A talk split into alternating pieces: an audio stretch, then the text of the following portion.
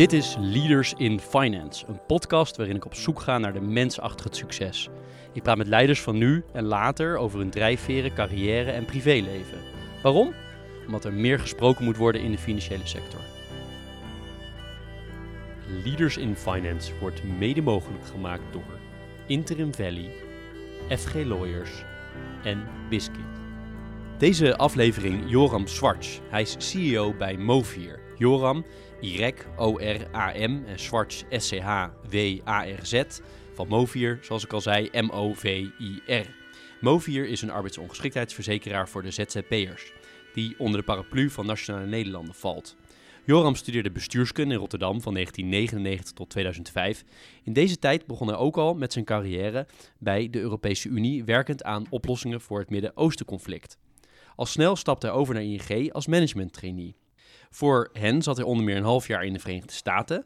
Daarna kwam hij terecht bij Nationale Nederlanden als teammanager corporate clients pensioenen. Vervolgens vervulde hij verschillende managementrollen bij Nationale Nederlanden, waaronder directeur strategie en marketing bij die pensioenafdeling, bij de pensioentak. Joram sluit zijn tijd bij Nationale Nederlanden af als directeur, in, uh, directeur strategie en integratie van de, het schade- en inkomensbedrijf. In deze functie zorgde hij voor de integratie van Nationale Nederlanden en Deltaloid. 2018 wordt hij directeur van arbeidsongeschiktheidsverzekeraar Movier. Begin 2019 komt hij daarnaast nog in de raad van toezicht van Cruncher, een HR-dataplatform. Joram is 39 jaar, is getrouwd en heeft één kind. Zoals hij toen straks tegen mij zei, eigenlijk een baby. Uh, leuk om uh, hier een nieuwe gein te zijn uh, bij, bij Movier. fijn dat je meedoet aan Leadership Finance. Ja, welkom Jeroen. Dankjewel, dankjewel. Ik wil eigenlijk starten met uh, iets, uh, zoals de meeste mensen die naar deze podcast luisteren, ben ik vrij actief op LinkedIn. Iets wat ik daar zag over jou, namelijk een, een post die ongelooflijk veel geliked is en gedeeld is, over een, een meisje, vrouw, Alicia, die met jou heeft meegelopen een dag. Kan je er iets over zeggen? Ja, dat is, wij werken als Mover samen met een stichting die heet Jink. En Jink is een stichting die zet zich in voor, voor eigenlijk kinderen beschreef leeftijdsgroep 10 tot uh, 16, die wat minder kans hebben op de arbeidsmarkt, om ze te helpen om toch succesvol te worden. Dat doen ze met van alles nog wat, met sollicitatietrainingen enzovoort. Uh, maar het onderdeel daarvan ook is CEO voor een dag. Uh, dus ik heb mijn stoel eigenlijk beschikbaar gesteld aan Alicia, een meisje van 15 uit Kaapverdië, met een hele scherpe geest, moet ik zeggen. en die heeft een ochtend lang eigenlijk alle besluiten binnen Movier mogen nemen. Uh, dus daar hadden we een heel mooi programma voor gemaakt. Uh, ze heeft ook een eindpresentatie gehouden. Maar het leukste is vooral dat zo iemand krijgt een onvergetelijke ervaring. Uh, ja, en als je dat kan doen om iemand iets mee te geven, ja, dat is fantastisch. Denk je dat je contact met haar houdt? Nou, we hebben sowieso afgesproken dat ze één keer per jaar langs mag komen voor advies. en ik hoop ook dat ze dat gaat doen. Uh, en ze heeft in ieder geval nog in uh, na afloop, want het is recent geweest, nog een berichtje gestuurd met een uh, groot bedankje. Dus dat was heel erg leuk. Wat leuk. En heb je zelf nog iets waarvan je zegt, dat heb ik eigenlijk ook wel stiekem geleerd? Die dag? Nou, het is interessant. Iemand die wat jonger is, die zit wat minder vast in patronen allemaal. Dus we hadden het, een van de grootste problemen natuurlijk in de ZZP-markt op dit moment is burn-outs. en wat zij in hele simpele woorden wist uit te leggen is, let op jezelf. Uh, zorg dat je goed eet, zorg dat je goed slaapt, zorg dat je geestelijke ruimte hebt en dat je fysieke ruimte hebt. En als iemand die even drie uurtjes bij ons binnenloopt, dat eruit haalt en dat zo helder kan formuleren, dan moeten we al die poespas maar eens een keertje vergeten en daar naartoe terug. En dat was wel de verademing voor mijzelf. Wat leuk. Nou, een hoop onderwerpen die je noemt, die ook vandaag terugkomen. Dus dat is mooi. Kan jij uh, iets delen over wat aantallen over Movier bijvoorbeeld? Hoeveel mensen werken hier? Uh, hoe lang bestaat het? Uh, wie bedienen jullie precies? en, en dat soort dingen.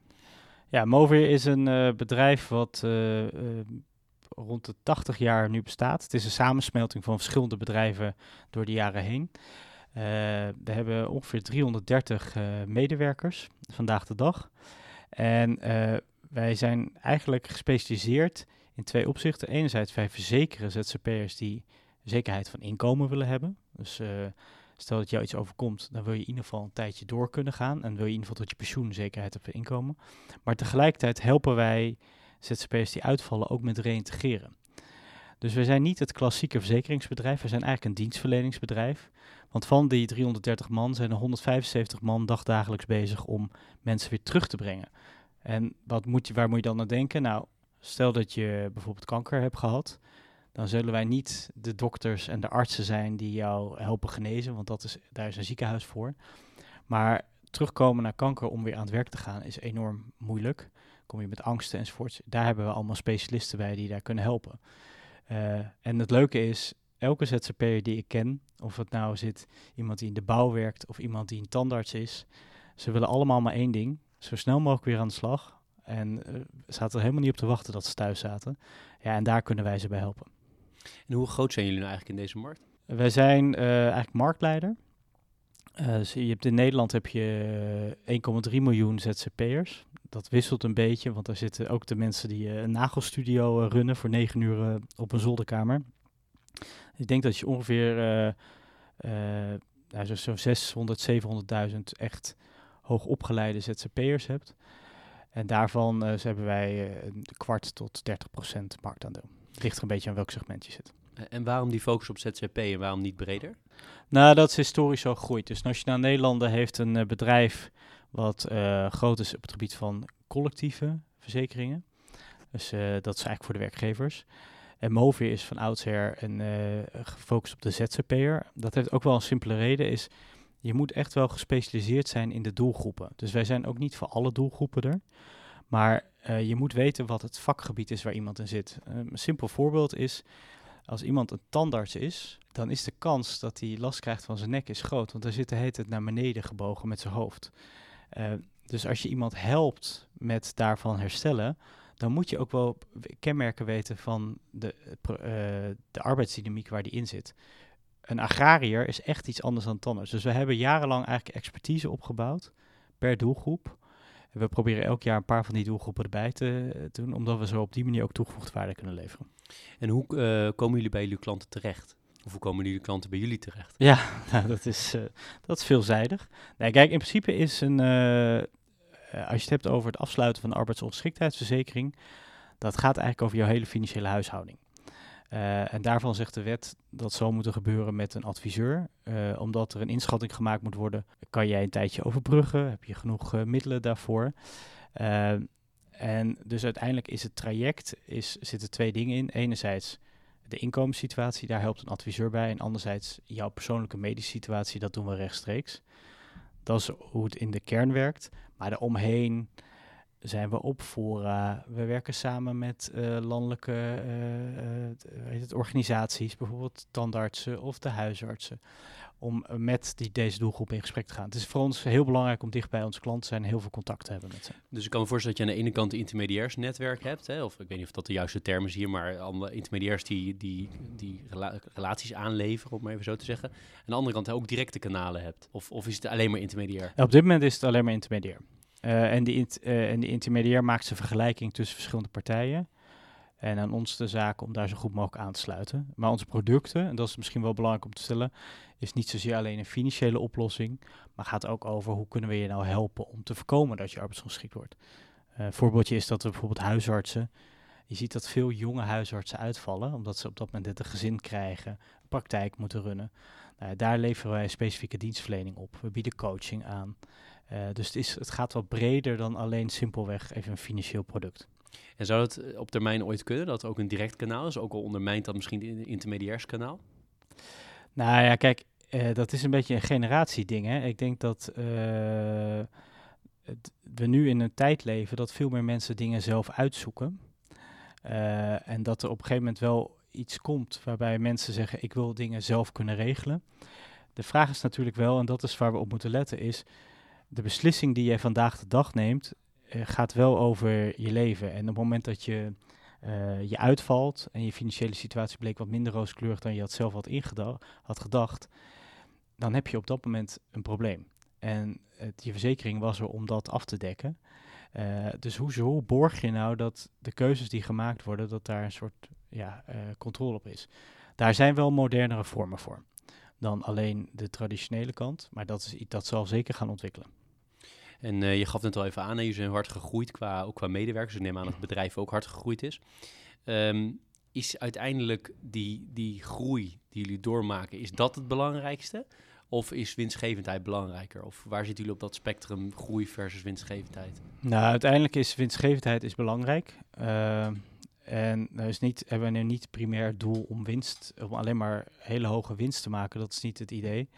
Uh, maar wij groeien eigenlijk door expertise op te bouwen op doelgroepen. Of, dat is een van de redenen waarom Mover heel sterk gegroeid is, door bepaalde nieuwe portefeuilles of bedrijven over te nemen. Uh, en daarbinnen probeer je altijd een balans te vinden tussen uh, rendabel, rentabiliteit, en tegelijkertijd expertise.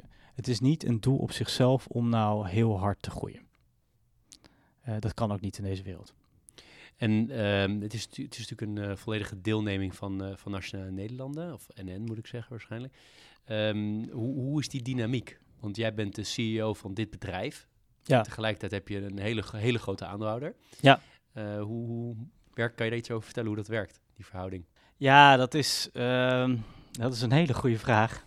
Nee, kijk, in de kern doen wij alles bij onszelf in binnen, binnen Mover in Nieuwegein. dat gaat over onze reclames, dat gaat over ons marketing, dat gaat over onze IT-systemen. Maar er hoort gewoon bij dat er zit sowieso het stuk verantwoording omheen. Hè? Dus uh, elke maand zullen wij net als elke andere organisatie verantwoording moeten afleggen over onze cijfers, over trends, over onze ontwikkelingen. En we komen natuurlijk in een steeds complexere samenleving, uh, waarbij we ook echt wel gecombineerd dingen proberen te doen. Het meest gehoord voorbeeld daarbij is bijvoorbeeld cybersecurity. Hè? Dat is heel hot. Nou, pak even de Citrix situatie van een paar weken geleden. Ja, security is een expertise. We zouden gek zijn als wij daar alleen als bedrijf onze keuze in zouden maken. Dat doen we natuurlijk gecombineerd met, met Nationale Nederlanden. Ja, en voor jou is het dus een heel mooi opstap geweest naar het runnen van een bedrijf helemaal met eindverantwoordelijkheid binnen ja. dat, dat, dat grotere concern. Ja, ik denk dat er weinig uh, plekken zijn binnen binnen Nederland waar je, zeg even, een bedrijf zoals dit, uiteindelijk zijn we met 330 man uh, toch een vorm van een MKB-bedrijf, maar wel met een hele grote balans en heel veel premiestroom er doorheen. Ja, en het is, heel, het is heel leuk om met een team, eh, zeker in een organisatie waar ook wel wat moest gebeuren, om verandering te realiseren. Dat is ook wel een van mijn hobby's. Uh, ja, en dan is dit een hele mooie, mooie organisatie. En een organisatie met een mooi product wat me dicht aan het hart ligt. Want het gaat, ja, wat ik net al eigenlijk een paar zinnen zeg, het gaat niet zozeer alleen om verzekeren, het gaat echt over mensen. Uh, en mensen die best wel iets heel heftigs meemaken, want niemand zit erop te wachten om thuis te zitten. Nee, maar ik kan me voorstellen dat die gesprekken ook enorm veel impact hebben op de medewerkers hier. Want het zijn altijd, als het misgegaan is, hele, hele, hele zware verhalen, lijkt mij. Ja. Is dat ook voor de organisatie dat hier dan ook sneller uh, psychologische hulp wordt ingeschakeld voor de medewerkers? Of zijn ze zo erg gewend hieraan om daarmee te, mee te dealen?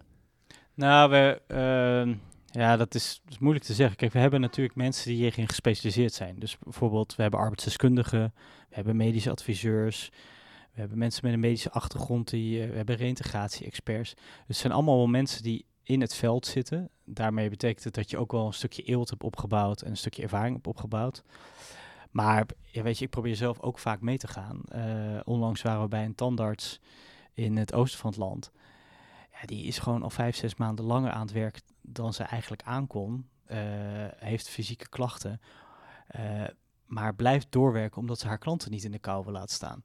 En op het moment dat je daar dan is met de rust en de tijd neemt om daarover te praten, dan komt er natuurlijk heel veel emotie naar buiten. Ja, uh, onze medewerkers moeten daar wel proberen de passende manier in te vinden. En tegelijkertijd moet je ook nog eens keuzes erin maken. Want het gaat over hoe, hoe welke mate van arbeidsongeschikt ben je enzovoort. Dat is niet altijd even makkelijk.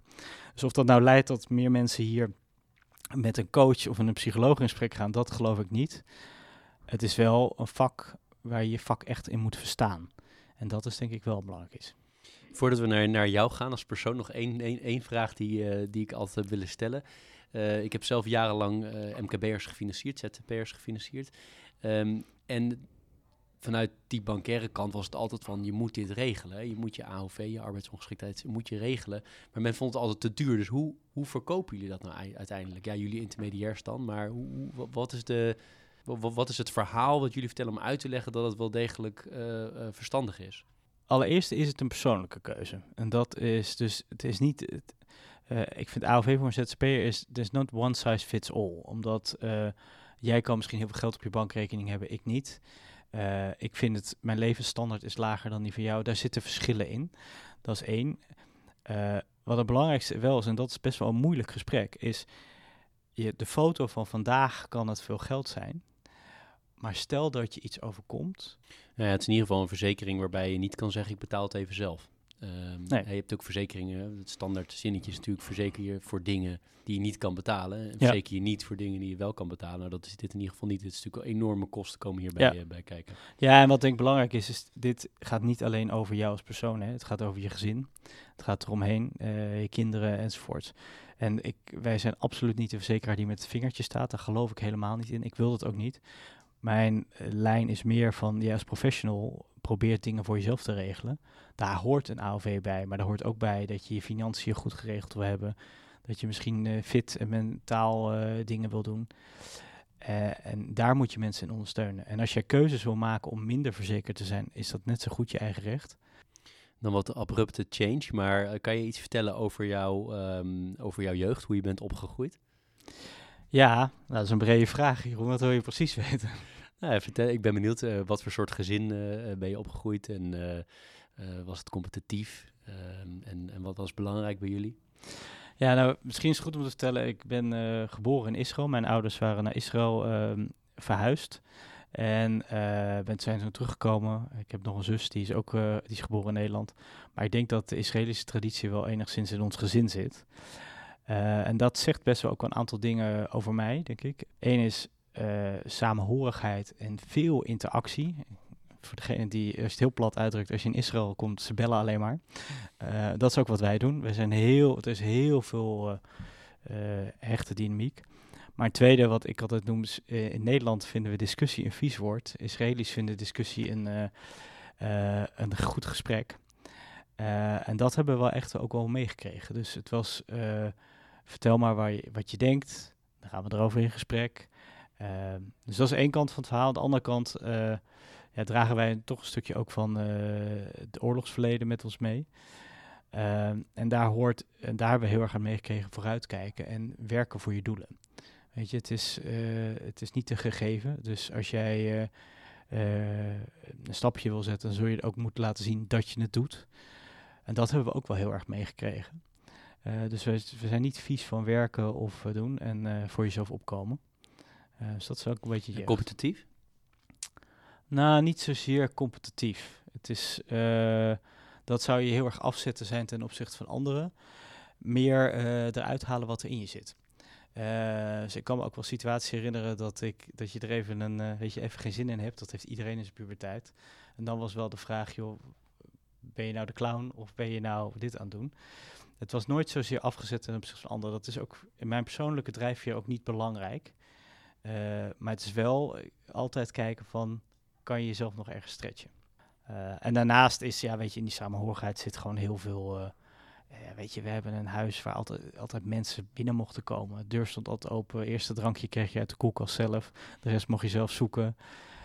Altijd op zoek naar nieuwe mensen, nieuwe contacten. Dat heb ik van huis uit meegekregen. Dat zit heel sterk in me. Ik wil altijd mensen ontdekken, hun verhaal leren kennen. Eh, heel veel respect ook daarvoor. Ja, dat is een beetje wie, eh, wat wij van de kind zelf mee hebben gekregen. Ik had het niet gezegd aan het begin, maar ik ken jou een klein beetje. Eh, Jij hebt ook bestuurskunde gedaan. Ik Ja. ook. Jij in Rotterdam, ik in Leiden. Ehm, en ook de stappen daarna, die leken even heel publiek te zijn. Ehm, wa- wat was het drijfveer om die publieke kant op te gaan? En wat was ook het drijfveer om uiteindelijk niet die publieke kant op te gaan? Ja, nou dat is eerlijk gezegd best een zoektocht geweest. Ehm, ik, ik wilde en de internationale kant op. Dat is altijd iets waar, wat ik heel leuk heb gevonden. Het samenwerken met veel nationaliteiten, veel culturen. Ik heb heel lang gezocht in de hoek van lobby, internationale diplomatie. Dus ook waar ik uiteindelijk in afgestudeerd ben op bestuurskunde. Eh, en toen is het eigenlijk ook een beetje proefondervindelijke zoektocht geweest. Dus ik ben aan de slag gegaan eh, bij de Europese Unie eh, om gewoon eens te kijken hoe dat is. Eh, had de mazzel dat ik in Parijs aan de slag kon gaan eh, bij een onderdeel van de Europese Unie wat zich bezighield met buitenlandse zaken. En daar werkte ik met iemand samen die eigenlijk eh, dagelijks met Arafat en Sharon in gesprek was. En ik mocht het grondwerk doen, dus de mensen bellen die in, die in de vluchtelingenkampen zaten in, in Libanon, et cetera, et cetera. Ja, en dat was, dat was super leuk. Dat was heel concreet. Maar ja, vervolgens moest ik een rapport schrijven. En dat rapport ging in een la. En toen dacht ik, dat wil ik niet. Weet je, ik wil echt wel, uh, als ik iets wil doen, wil ik een, iets bedenken. En dan wil ik het kunnen uitvoeren. Dus dat is een van de redenen waarom ik uit de internationale hoek ben gegaan. Toen heb ik nog enigszins getwijfeld tussen de lobby ingaan. Maar ja, dan ga je iets lobbyen wat je niet zelf weet. En mijn idee was echt wel uh, vanuit verantwoordelijkheid dingen bereiken met mensen. En zodoende ben ik eigenlijk bij, uh, in, uh, op zoek gegaan naar een kans waar dat was. Nou, dat vond ik uiteindelijk bij ING. Het was, neem ik aan, best spannend wat je net vertelde in die hele, dat hele Midden-Oosten ja. conflict, wat ongelooflijk complex is. Uh, wat zijn dingen die je daar geleerd hebt, waar je nu nog wat aan hebt? Nou, één is gewoon vragen. Want je kan heel hard voor de ander denken. En, en dan hopen dat hij, en dan al wat, wat barrières wegnemen. Ik kan me nog een situatie herinneren dat ik de, het, de tijd, destijds werd de Europese Unie geleid door de Denen. En dat ik de hoogste Deense diplomaat mezelf ergens had binnengebluft om met hem het gesprek aan te gaan. En dat ik van tevoren een soort briefje had opgeschreven van dit ga ik allemaal bedenken. Nou ja, uh, uiteindelijk heb ik dat zo het gesprek begon, een briefje maar weggegooid en ben ik gewoon gaan vragen. En dat heeft sowieso wat openheid uh, gegeven. En tweede is, wat, en dat staat nog steeds heel hoog in mijn vaandel, is als je met andere mensen samenwerkt, moet je niet van hun verwachten dat ze jouw taal gaan spreken. Jij moet de brug slaan naar hun taal, uh, verdiepen in hun culturen, om uiteindelijk ook van daaruit het beter te laten functioneren. Dus ik werkte met Fransen, Polen, uh, Grieken. Nou, dat is echt wel een hoop uh, oorlog in één vat, kan ik je vertellen. Maar datzelfde geldt ook in het Midden-Oosten. Als je Palestijnen en Israëli spreekt, je zit toch anders in de wedstrijd. Ja, je zult zelf de brug moeten slaan. En dat, uh, ja, dat is maar één manier om dat te leren, dat is doen. Hoe heb je dat hier gedaan? Toen je hier kwam, trof je ook een hele cultuur aan die je ook waarschijnlijk niet echt kende? Nou, sterker nog, dit bedrijf, uh, dat heb, had je net niet gevraagd, maar dit bedrijf is in uh, een drie jaar tijd verdrievoudigd. Hè? en daar zijn mensen overgekomen vanuit, dus je had Mover op zichzelf, je had Nationaal Nederlanden, waar mensen over zijn gekomen, zijn mensen uit Deltloord overgekomen korte termijn komt er ook reaal bij.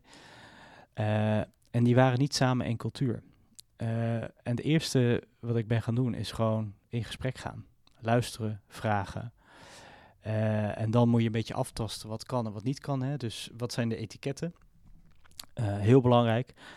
En, maar binnen etiketten met respect wel knopen doorhakken. En dus ook wel dingen doen. En dat, daar hoort een stukje turbulentie bij. Uh, en soms heel veel turbulentie, want dit is best wel een uh, gevoelig proces wat we gedaan hebben. Maar uiteindelijk, als je daar doorheen bent, dan ontstaat er ook weer iets nieuws. En dat is een van mijn favoriete hobby's. Je bent toen bij ING begonnen. Ja. Uh, die tijd bij, bij ING was ook stils in Amerika. Ja. Dat lijkt me ook erg interessant. Hoe heb je dat ervaren en, en heb je daar nog iets uit meegepikt?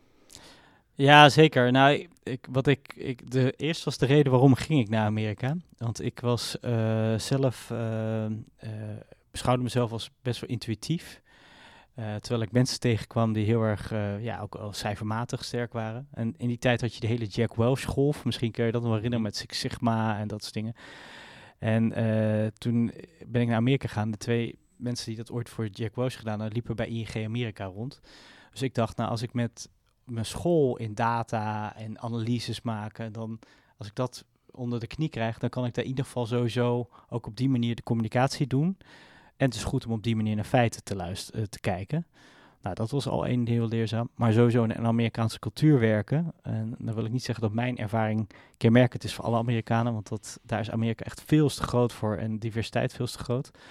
Uh, maar ja, weet je, we hingen op een gegeven moment een wit blad op aan de muur en nu gaan we een nieuw proces tekenen. Ja, als ik dat in Nederland had gedaan, dan was er, stond het blad vol en moest je naar orde in scheppen. Ik zat in een Amerikaans bedrijf waar de vraag was, uh, oké, zeg jij maar wat je wil en dan zeggen wij wel of het kan. Ja, en hoe zorg je dat je daar tractie in krijgt? Dat was wel een hele leerzame ervaring. Heb je specifieke mensen, als je even helemaal teruggaat naar, naar het begin van je studententijd tot aan nu, die hele periode, specifieke mensen die jou heel sterk beïnvloed hebben of waar je veel van geleerd hebt? Misschien zonder namen te noemen of met namen, maakt niet uit. Nou, ik heb dat gaandeweg ook een beetje geleerd. Ik, uh, in het begin ben je een beetje aan het zoeken en als je net uit je studententijd komt, dan ga je op zoek naar mensen die je iets meer kunnen vertellen over een wereld. Uh, dus ik heb wat mensen die in de Europese Unie werkten. Ik had mensen die in buitenlandse zaken werkten, in de lobbywereld. En die hebben mij geholpen met wat uh, gewoon inzicht te verschaffen. Maar daarna is eigenlijk de fase veel meer geweest dat ik aan de slag ben gegaan met eigenlijk meer mezelf ontwikkelen. En wat ik voor mezelf heel erg nadrukkelijk merkte, ik kan makkelijk praten, maar ik praat pas als ik een vervelende vraag krijg. dus ik ben vooral op zoek gegaan naar mensen die die, ik noem het altijd, een klap met een honkbalknuppel kunnen uitdelen, die die vraag stellen die ik eigenlijk niet wil. Zodat ik na afloop de conclusies daarover kon trekken. Dus, en ik heb daarin altijd uh, in mijn familie, bij mijn vader, uh, die is dat toevallig zijn beroep, dus die heeft daar uh, geholpen. Maar in het bedrijfsleven heb ik altijd één of twee mensen gevonden, soms binnen het bedrijf, soms erbuiten, die precies dat karakter hadden. Die mij eigenlijk die vraag konden stellen waardoor ik aan denken werd gezet. En dat heeft mij altijd eigenlijk enorm geholpen. Je motiveert me wel om moeilijke vragen te gaan stellen. Ja, mag, je mag alles stellen. nee, en dat je makkelijker praten, praten bent, dat klopt ook. Uh, zeker. Hoe uh, motiveer je uiteindelijk de mensen met, in de teams met die je gewerkt hebt? Nou, wat, ik kijk heel erg naar het individu. Uh, dus al mijn teams die ik heb, en zeker de mensen die met mij werken, die moeten al het begin al even werken aan mijn, wennen aan mijn werkwijze. omdat ik het individu heel erg centraal stel. Niet zozeer in het team, maar ik kijk heel erg naar het persoon. Uh, heb veel gesprekken over waar is iemand goed in, uh, waar kan het beter. En probeer iemand heel erg in zijn kracht te zetten. En dan samen een stuk ideevorming te doen. En dan is het idee ook van iemand. En zo bouw ik eigenlijk ook mijn teams op. Dus dat team dat heeft samen een idee en staat in, probeert vanuit kracht dat idee te gaan realiseren. En dan is er ook heel veel eigenaarschap. Waardoor het niet zozeer van mij is. Er is misschien wel een draai, ik ben wel een draaischijf. Maar de, de, de kracht en de energie zit echt bij de mensen zelf. En dat probeer ik eigenlijk in al mijn gesprekken centraal te zetten. En waar moeten ze dan aan wennen? Stel, ik kom in jouw team vandaag. Waar, waar, moet ik dan aan wennen aan als ik met jou ga werken? Nou, dan gaan we een klein beetje terug naar dat Israëlische. Het kan in het begin best wel intensief zijn. Veel kort schakelen. En het kan ook wel zijn dat we echt wel uh, met elkaar een scherp gesprek hebben. En het hoeft niet scherp te zijn in vervelende vragen, maar wel, we hebben het, gaan het wel hebben over de kern. En als ik jou iets zie doen wat ik denk van waarom doe je dat eigenlijk, dan zal ik dat opmerken. En als je komt met een oplossing, dan wil ik ook wel weten waarom je denkt dat dat de beste oplossing is. En dat... Dus je bent eigenlijk best confronterend voor mensen in eerste instantie. Ja, dat zul je aan hun moeten vragen of het confronterend is. Maar ik ben wel direct erin, ja. ja. Dus dat is eigenlijk weer heel Nederlands. Ja, het kan ook, je hebt ook Israëlisch direct. Dat is nog iets, een andere variant daarvan. En als je, heel, je bent heel erg gefocust op mensen. Ik denk dat mensen die, die dat, dat heel veel mensen dat als prettig ervaren. Want dat is ook aandacht. Je leeft je in. Je wil weten hoe die mensen echt zijn, wat hun drivers zijn. Maar hoe voorkom je dat jouw persoonlijke, um, persoonlijke ideeën over die mensen, zeg maar, ook de overhand krijgen? Dat je, dat je eigenlijk denkt, nou, ik mag deze persoon eigenlijk helemaal niet zo. Um, of dat je denkt, nou, ik vind het eigenlijk helemaal niet zo aardig iemand, maar het is wel gewoon een hele goede collega. Ja. Hoe, hoe voorkom je dat? Ja, dat is een goede vraag. Ik ben, ik denk, redelijk in staat om afstand te nemen. Uh, tuurlijk heb je altijd wel situaties dat het je wel hindert. Uh, maar ik denk dat ik redelijk in staat ben om daar een stuk afstand in te nemen en daar toch een beetje een helikopterrol te zitten.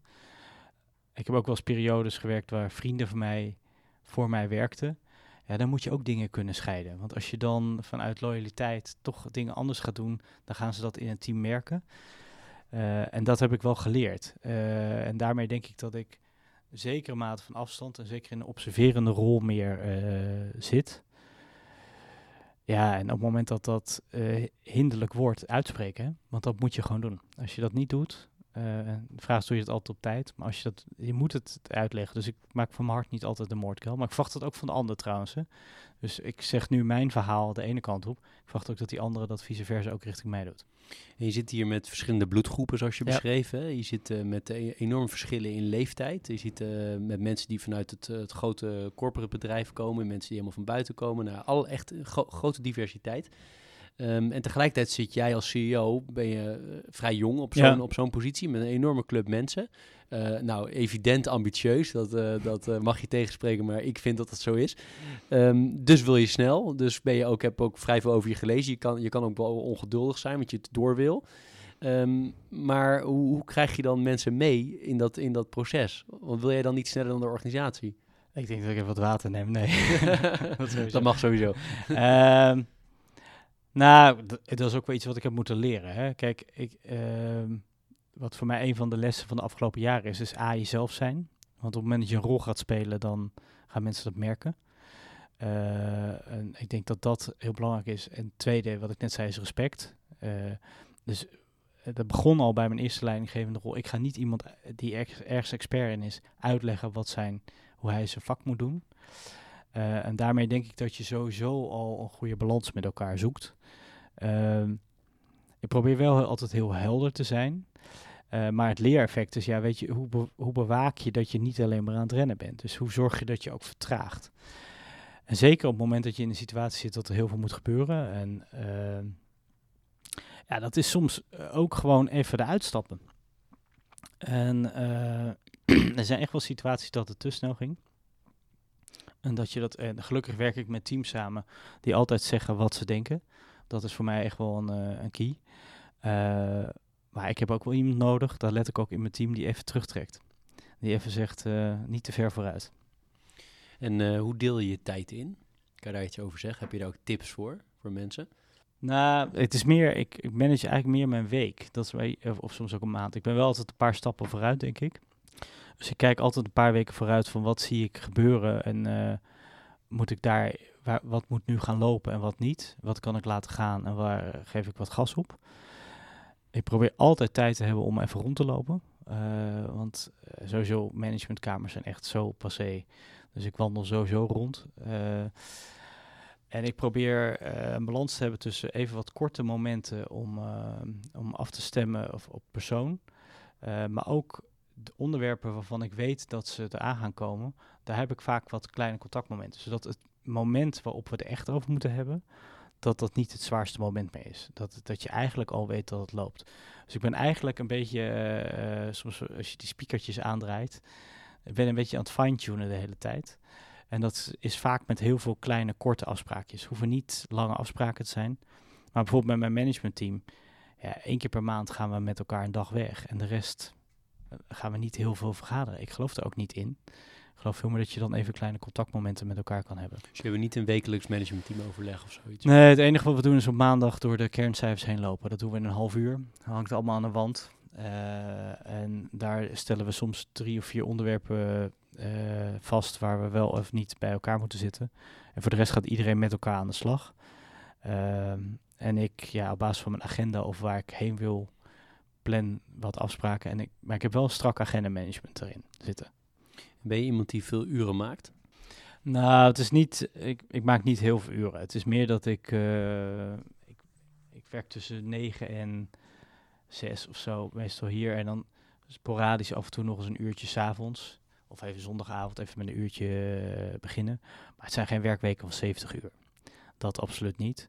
Het is ook een beetje. Het is meer uh, thema gedreven. Kijk, op het moment dat er een groot moment aankomt, dan zal het iets meer zijn. Uh, is, het, is er een periode niks, ja, dan ontspan ik ook. Ik, ben een, ik hou van sporten, dus ik probeer ook daar tijd voor te vinden. En een, uh, een kleine baby uh, heeft ook redelijk wat tijd nodig. Dus nee, ik ben, niet, ik ben niet overmatig aan het werk. Ik heb wel momenten gehad in het verleden dat dat wel wat moest. Maar ik moet eerlijk zeggen dat dat meer gedreven wordt vanuit excitement. Omdat ik dan een hoge perfectie nastreef dan dat het per se is dat ik nou heel hard zou moeten werken. Ja, en wat motiveert je? Mensen is evident dat dat je motiveert. Wat zijn nog meer belangrijke motivatiebronnen voor jou om, uh, om, te performen? Nou, ik vind autonomie en uh, samen met iemand, met mensen iets verzinnen, vind ik sowieso leuk. Het helpt echt als je zegt dat iets niet kan. Dan kan het wel. Um, en dan ook gaan kijken wat dat dan is en of we dat toch kunnen kraken. Um, dus dat drijft ja, en een goede balans tussen lachen en serieus. Weet je, het, uh, het, het gaat niet, je kan niet, eh, een spanningsboog kan niet een hele dag alleen maar stijf staan. Je moet gewoon op een gegeven moment even uh, lekker plat of wat dan ook, moet er een keer gebeuren. En daarna gaan we wel weer de diepte in. Uh, en als die dingen goed zijn, in combinatie dat ik mijn energie kwijt kan, want dat zit vaak in sporten en dat soort dingen, dan gaat het wel goed. Maar ik moet wel iets hebben waar ik mijn hoofd over kan breken. Wat zie je als uh, de rol van, uh, van Movier in de samenleving? Hoe kijk je daarnaar? Dat is een uh, vrij wetenschappelijk, zeg je dat, mooie filosofische vraag. Nou, kijk, ik, A, raken we heel veel huishoudens. Dat is, dat is denk ik één. En doen we het daar in alle gevallen 100% goed, er zal echt ook wel eens een keer wat fout gaan. Maar zorgen voor die mensen die, die het vertrouwen aan je gegeven hebben, dat als het misgaat dat je er bent, dat is één. En uh, dat is niet een klant, wat ik net al zei. Daar zit ook een, een, een, hele vaak een gezin. Ze hebben wel eens, iemand heeft me ooit wel eens gezegd, doe 1 maal 10 en dan heb je het echte bereik wat je hebt. Uh, het tweede denk ik dat wij gewoon echt wel hele grote trends zien in, die plaatsvinden in Nederland. Wij zien, wij zien natuurlijk, we hebben inzicht in bepaalde ziektebeelden. We zien wat maatschappelijke druk doet. Hè. Dus bijvoorbeeld dingen in de zorg, regeldruk, krapte, cultuur. Ja, daar zien we gewoon dingen gebeuren. En ik denk dat we vandaag de dag daar meer in kunnen doen door preventief dingen te bieden. Maar ik denk ook dat we die discussie kunnen arrangeren. En daar dat denk ik ook dat we een belangrijke rol in hebben. Dat, dat preventiepunt, dat is ideaal, want dat is even mijn vraag die ik je wilde, wilde stellen. Ehm, iedereen zal het met je eens zijn dat preventie cruciaal is. En helemaal als verzekeraar. Want mhm. ja, het is natuurlijk ongelooflijk duur als iemand uiteindelijk arbeidsongeschikt wordt. duur in emotionele zin en duur in financiële zin. Maar hoe meten jullie preventie? De, of het succes van preventie of het uitblijven van, van het succes? Hoe meet je dat? Ja, dat is een hele goede vraag. Want ehm, kijk, uh, misschien even één stapje terug en dan kom ik wel terug op je, op je vraag. Eén is de vraag, hoe weet je als individu dat je iets nodig hebt? Uh, een mooi voorbeeld is een coach. Uh, wat wij wel weten, en dat, dat, is een antwoord, denk ik, mijn indirect antwoord. we weten dat iedereen die wij bij ons, we, hebben we werken met coaches iedereen die bij ons binnenkomt, daar valt 93% niet uit. We weten daar ook de klanttevredenheid van. Maar dat zijn wel mensen die in een zekere mate geaccepteerd hebben dat nu het moment is dat ze daar iets mee moeten doen. Ik denk dat daarvoor iets zit, en dat is veel moeilijker meetbaar, waarbij je probeert in een veel vroegtijdig stadium mensen dingen aan te reiken, zodat ze voor zichzelf uh, keuzes kunnen maken. Want daar zit, daar zit het, en dat is heel moeilijk meetbaar.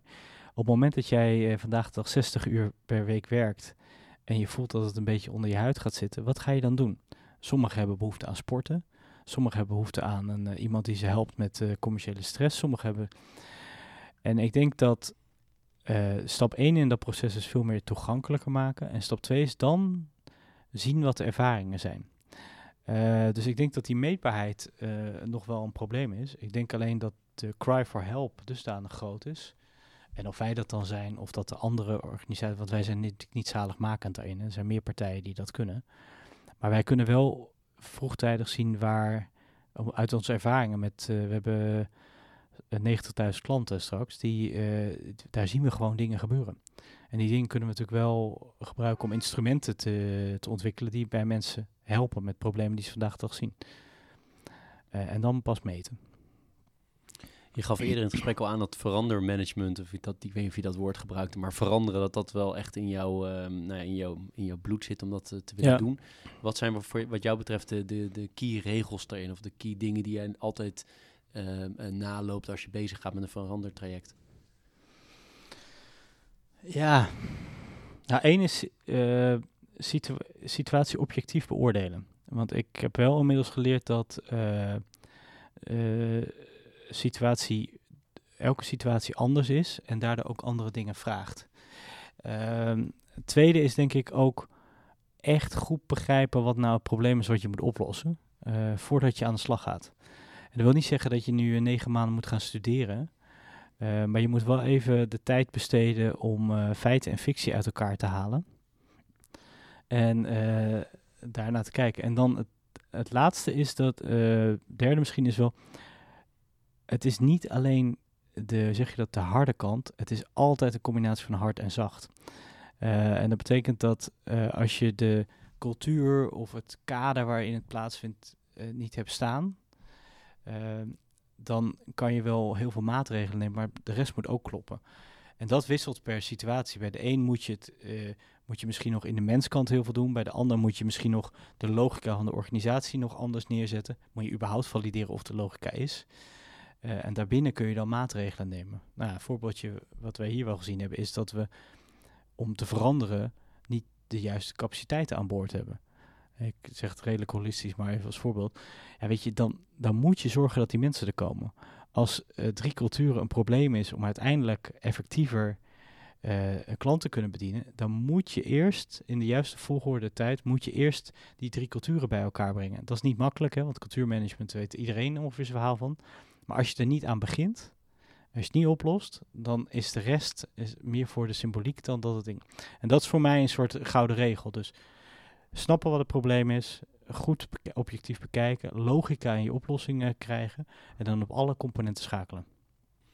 Je hebt vrij veel, uh, zeer veel bereikt uh, in een korte, korte carrière. Je bent 39 ja. en leidt een, leidt een grote organisatie en weinig mensen die dat kunnen, kunnen zeggen.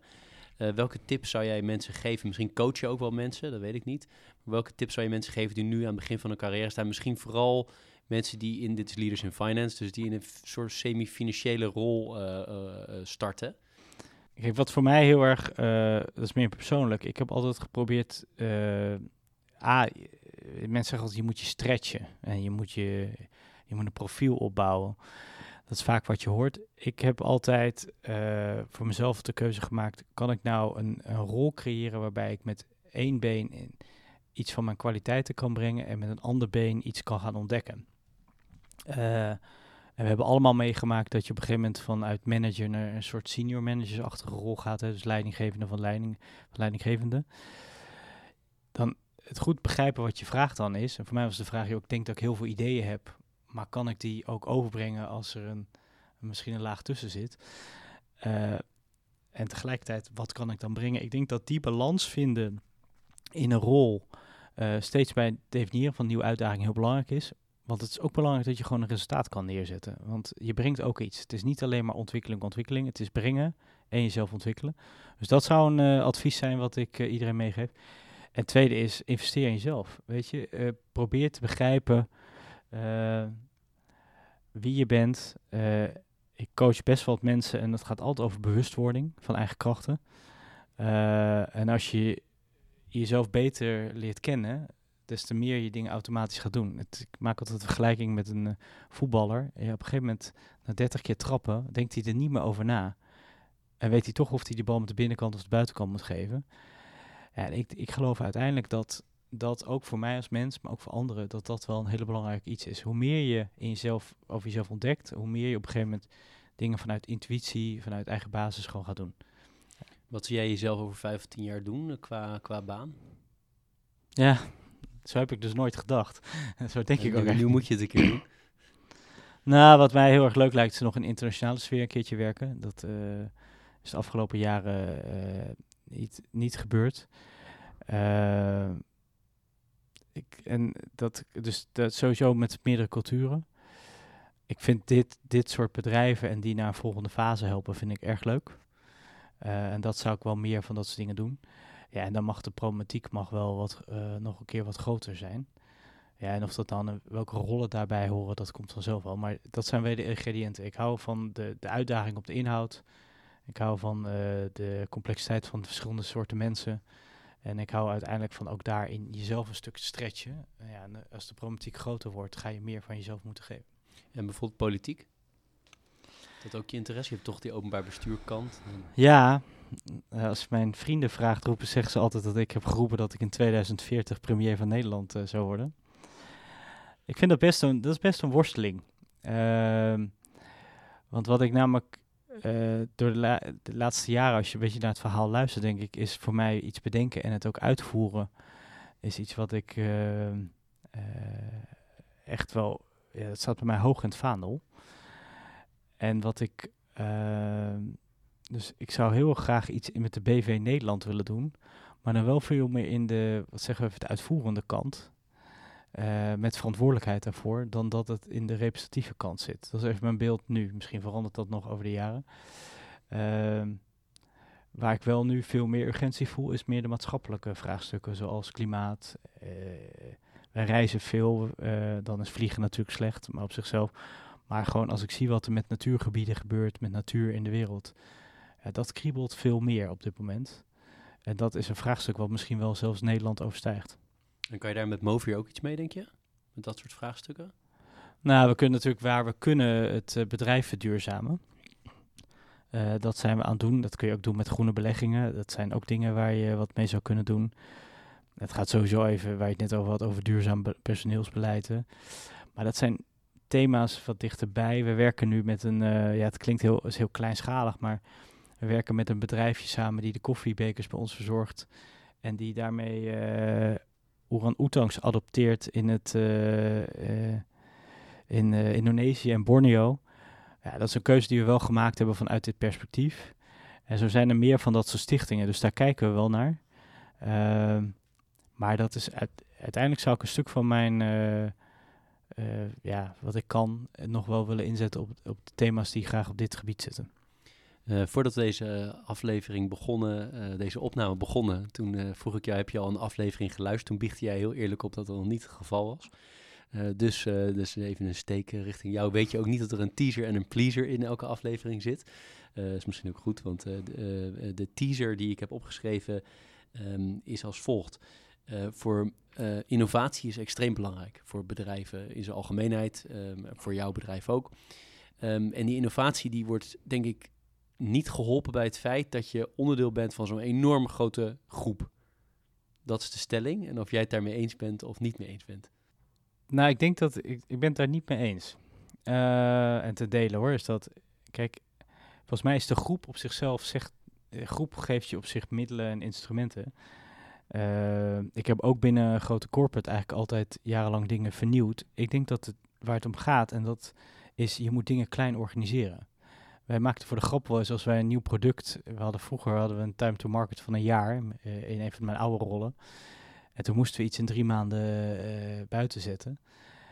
Ja, toen hebben we gewoon mensen in de zolderkamer op, opgesloten, hek eromheen en niemand kon erbij. En toen deden we het wel in drie maanden.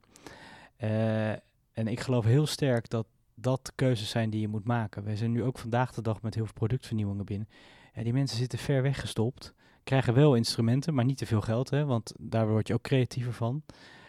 Uh, en dan tempo maken en niet te veel mensen eromheen. Dus uh, twee, drie man, uh, mandaat, vertrouwen, heel af en toe langskomen. Ja, en dan kun je echt wel tempo met elkaar maken. Mijn zorg zou ook zijn dat, je, dat jij leuke ideeën hebt, maar dat de, dat de moeder zegt van, ja, maar dat doen wij hier al. Of dat zien we gewoon niet zitten, want dat schaadt ons brand. Of dat, dat kan op een andere manier, um, nou ja, cannibalisme in de, hand, uh, in de hand werken binnen de groep. Ja, ja, maar dat risico is natuurlijk altijd. En daar, ik denk dat je daar een fair point hebt. Ik bedoel, ik denk als je een, de mensen in een loods en Zoetermeer zet, ver weg van hoofdkantoren, dat je altijd meer tempo maakt. En ik denk dat dat vooral meer een uh, vraag is aan leiderschap om die keuzes te maken. Ja, en wat, en, maar dat raakt alles. Weet je, uh, op het moment dat je als, als leider of als wat dan ook denkt dat jij het slimste bent, dan gaat het niet werken. Uh, en dat begint ermee van zet de mensen die het weten bij elkaar en, la en, laat het dan gebeuren. En dat is denk ik waar het leiderschap in de komende jaren over gaat. Durf je los te laten, durf je te laten gebeuren. En ik denk dat we daar, en daar zit denk ik de hindernis in van corporate Nederland. Aan de pleasende kant, uh, zijn er bepaalde boeken die jou hebben of nog steeds inspireren? Ja, nou ja, ik lees, uh, het is meer, ik, ik, heb wel eens een poging gedaan om al die uh, uh, managementboeken te lezen. Dat doe ik eigenlijk niet echt. Ik heb een van de boeken die ik veel gelezen heb, is van, van, een Duitse auteur die heet Herman Hesse, Narcissus en Goldmund. je knikt dat je hem herkent. dat is een van de boeken die mij heel erg geïnspireerd heeft, omdat het gaat over twee persoonlijkheden die totaal anders zijn en ieder hun eigen weg vinden en dan weer bij elkaar komen. dat soort dingen kan ik dat, dat soort boeken lees ik meer. Uh, uh, ook omdat je daardoor je als het ware je beeldvorming moet je moet je moet je een voorstelling maken van dingen. Ja, en wat ik gewoon wel leuk vind is gewoon. Uh, nou, een ander boek is dat is Invictus. Het gaat over, um, over Nelson Mandela en hoe hij bijvoorbeeld het rugby gebruikt heeft in Zuid-Afrika om twee culturen bij elkaar te brengen. Dat soort boeken zijn meer mijn inspiratiebron, waar ik dan weer iets uit haal en waar ik iets opsla. En dat dan weer ergens voor wil gebruiken, dan dat ik dat dan per se een managementboek. Ben je op dit moment iets aan het lezen? Nee, op dit moment probeer ik de nacht door te komen met een, met een kleine die wat minder slaapt. Um, ik heb gelezen in de voorbereiding dat jij, um, jouw stelling is, en die vond ik erg geestig. Dat op vakantie uh, draag ik geen sokken. Is dat ja. nog steeds iets wat je doet? Of heb je dat ooit één keer gezegd? En uh, is het uh, in de praktijk eigenlijk helemaal niet zo? Nee, dat is echt uh, zeker waar. Ik, uh, voor mij is vakantie slippers lopen. Dat wil niet zeggen trouwens dat ik uh, niet vakanties doe met sokken want ik ben een groot wintersportfanaat. Dan kan je me echt, ik ben niet van pistes af te slaan. Maar ik vind het het heerlijkste, dat is ook nog wat ik thuis doe, thuiskomen, sokken uit, blote voeten lopen. Ja, weet je, als je dan in uh, verre landen bent en gewoon lekker op slippers loopt, ja, dan is dat is echt ontspanning. Dus, dan is het keurslijf af. En datzelfde interview gaf je ook aan dat jullie uh, vakantie toch ook wel heerlijk vinden als misschien de, de, de fase pre-baby. Uh, maar om te binge-watchen op Netflix of iets dergelijks. Ja. zijn er bepaalde series die je heel erg aanspreken? We hebben The Killing gekeken, The Bridge. Dat zijn van die Zweeds-Deense dingen. Ik kan me ook aan, aan andere series, weet je, Sherlock. Ik, het is meer vermaak. Waar ik dan, of Homeland. Het, het, zijn denk ik een beetje de geëikte series. Ik ben nu een groot fan van Gomorra. Ik weet niet of je dat kent, de Italiaanse serie over Napels. Er zijn inmiddels vier seizoenen van Italiaanse makelaardij. Ja, dat geeft, dat is en spannend, maar het, is ook, het geeft iets anders, het geeft een andere twist. Ik moet eerlijk zeggen dat ik ook wel, dat is meer dan een openbaring, ik, luister, ik kijk tegenwoordig veel meer series in een andere taal, zodat ik ook blijf kijken, want anders heb ik dan eigenlijk om andere dingen te gaan doen. Je, uh, in de inleiding zei ik, je bent, uh, zit in de raad van toezicht van een bedrijf dat Cruncher heet. Ja. Ik heb het even kort bekeken, ziet er heel interessant uit. Uh, wat is jouw rol daar precies? Nou, ik, ik, ik vertegenwoordig Nationaal Nederlanden, eigenlijk gewoon de raad van toezicht, om dat bedrijf te helpen in hun groei en ook gewoon een stukje belangenvertegenwoordiging mij, waar ik vooral op focus is, hoe zorg je nou dat je een bedrijf groot en uh, groter maakt en bestendig? Dus hoe ga je van start-up naar skill-up uh, en zorg je voor bestendigheid? Dat is waar mijn focus op is. Is NN de eigenaar daarvan? Of? Nee, er zijn uh, meerdere partijen die eigenaar zijn van Cruncher. En het is een super mooi bedrijf, want het, het gaat heel erg over voorkeuren van medewerkers. Hoe je, dat, hoe je dat zou kunnen gebruiken, hoe je daar instrumenten op kan inzetten. Ja, en doet dat op, uh, in Nederland en in Amerika. Dus dat is, uh, ja, is leuk. Leuk. Ik wil je heel hartelijk bedanken voor dit gesprek. Ik vind het knap hoe je, toen ik hier net binnenkwam, uh, stond je voor nou ja, een enorm grote zaal met mensen een speech te geven. Je rolt in één keer door in deze podcast op een hele ontspannen, authentieke manier. Hartstikke leuk om te zien. En dat doe je ook nog allemaal nadat je heel weinig geslapen hebt met je kleine, kleine, kleine kindje. Uh, nou, wellicht dat uh, jouw kleine kindje ooit deze podcast ja, luistert en hoort hoe je toch nog heel erg scherp kan zijn. Dus uh, heel erg bedankt voor je, voor je tijd en, en het leuke gesprek. Ja, dankjewel voor alle goede vragen. Dit was Leaders in Finance. Elke week weer een nieuwe aflevering. Elke week weer een mens achter het succes. Ik vind het belangrijk om te zeggen, deze podcast zou er niet zijn zonder onze partners. Interim Valley, FG Lawyers en Biscuit.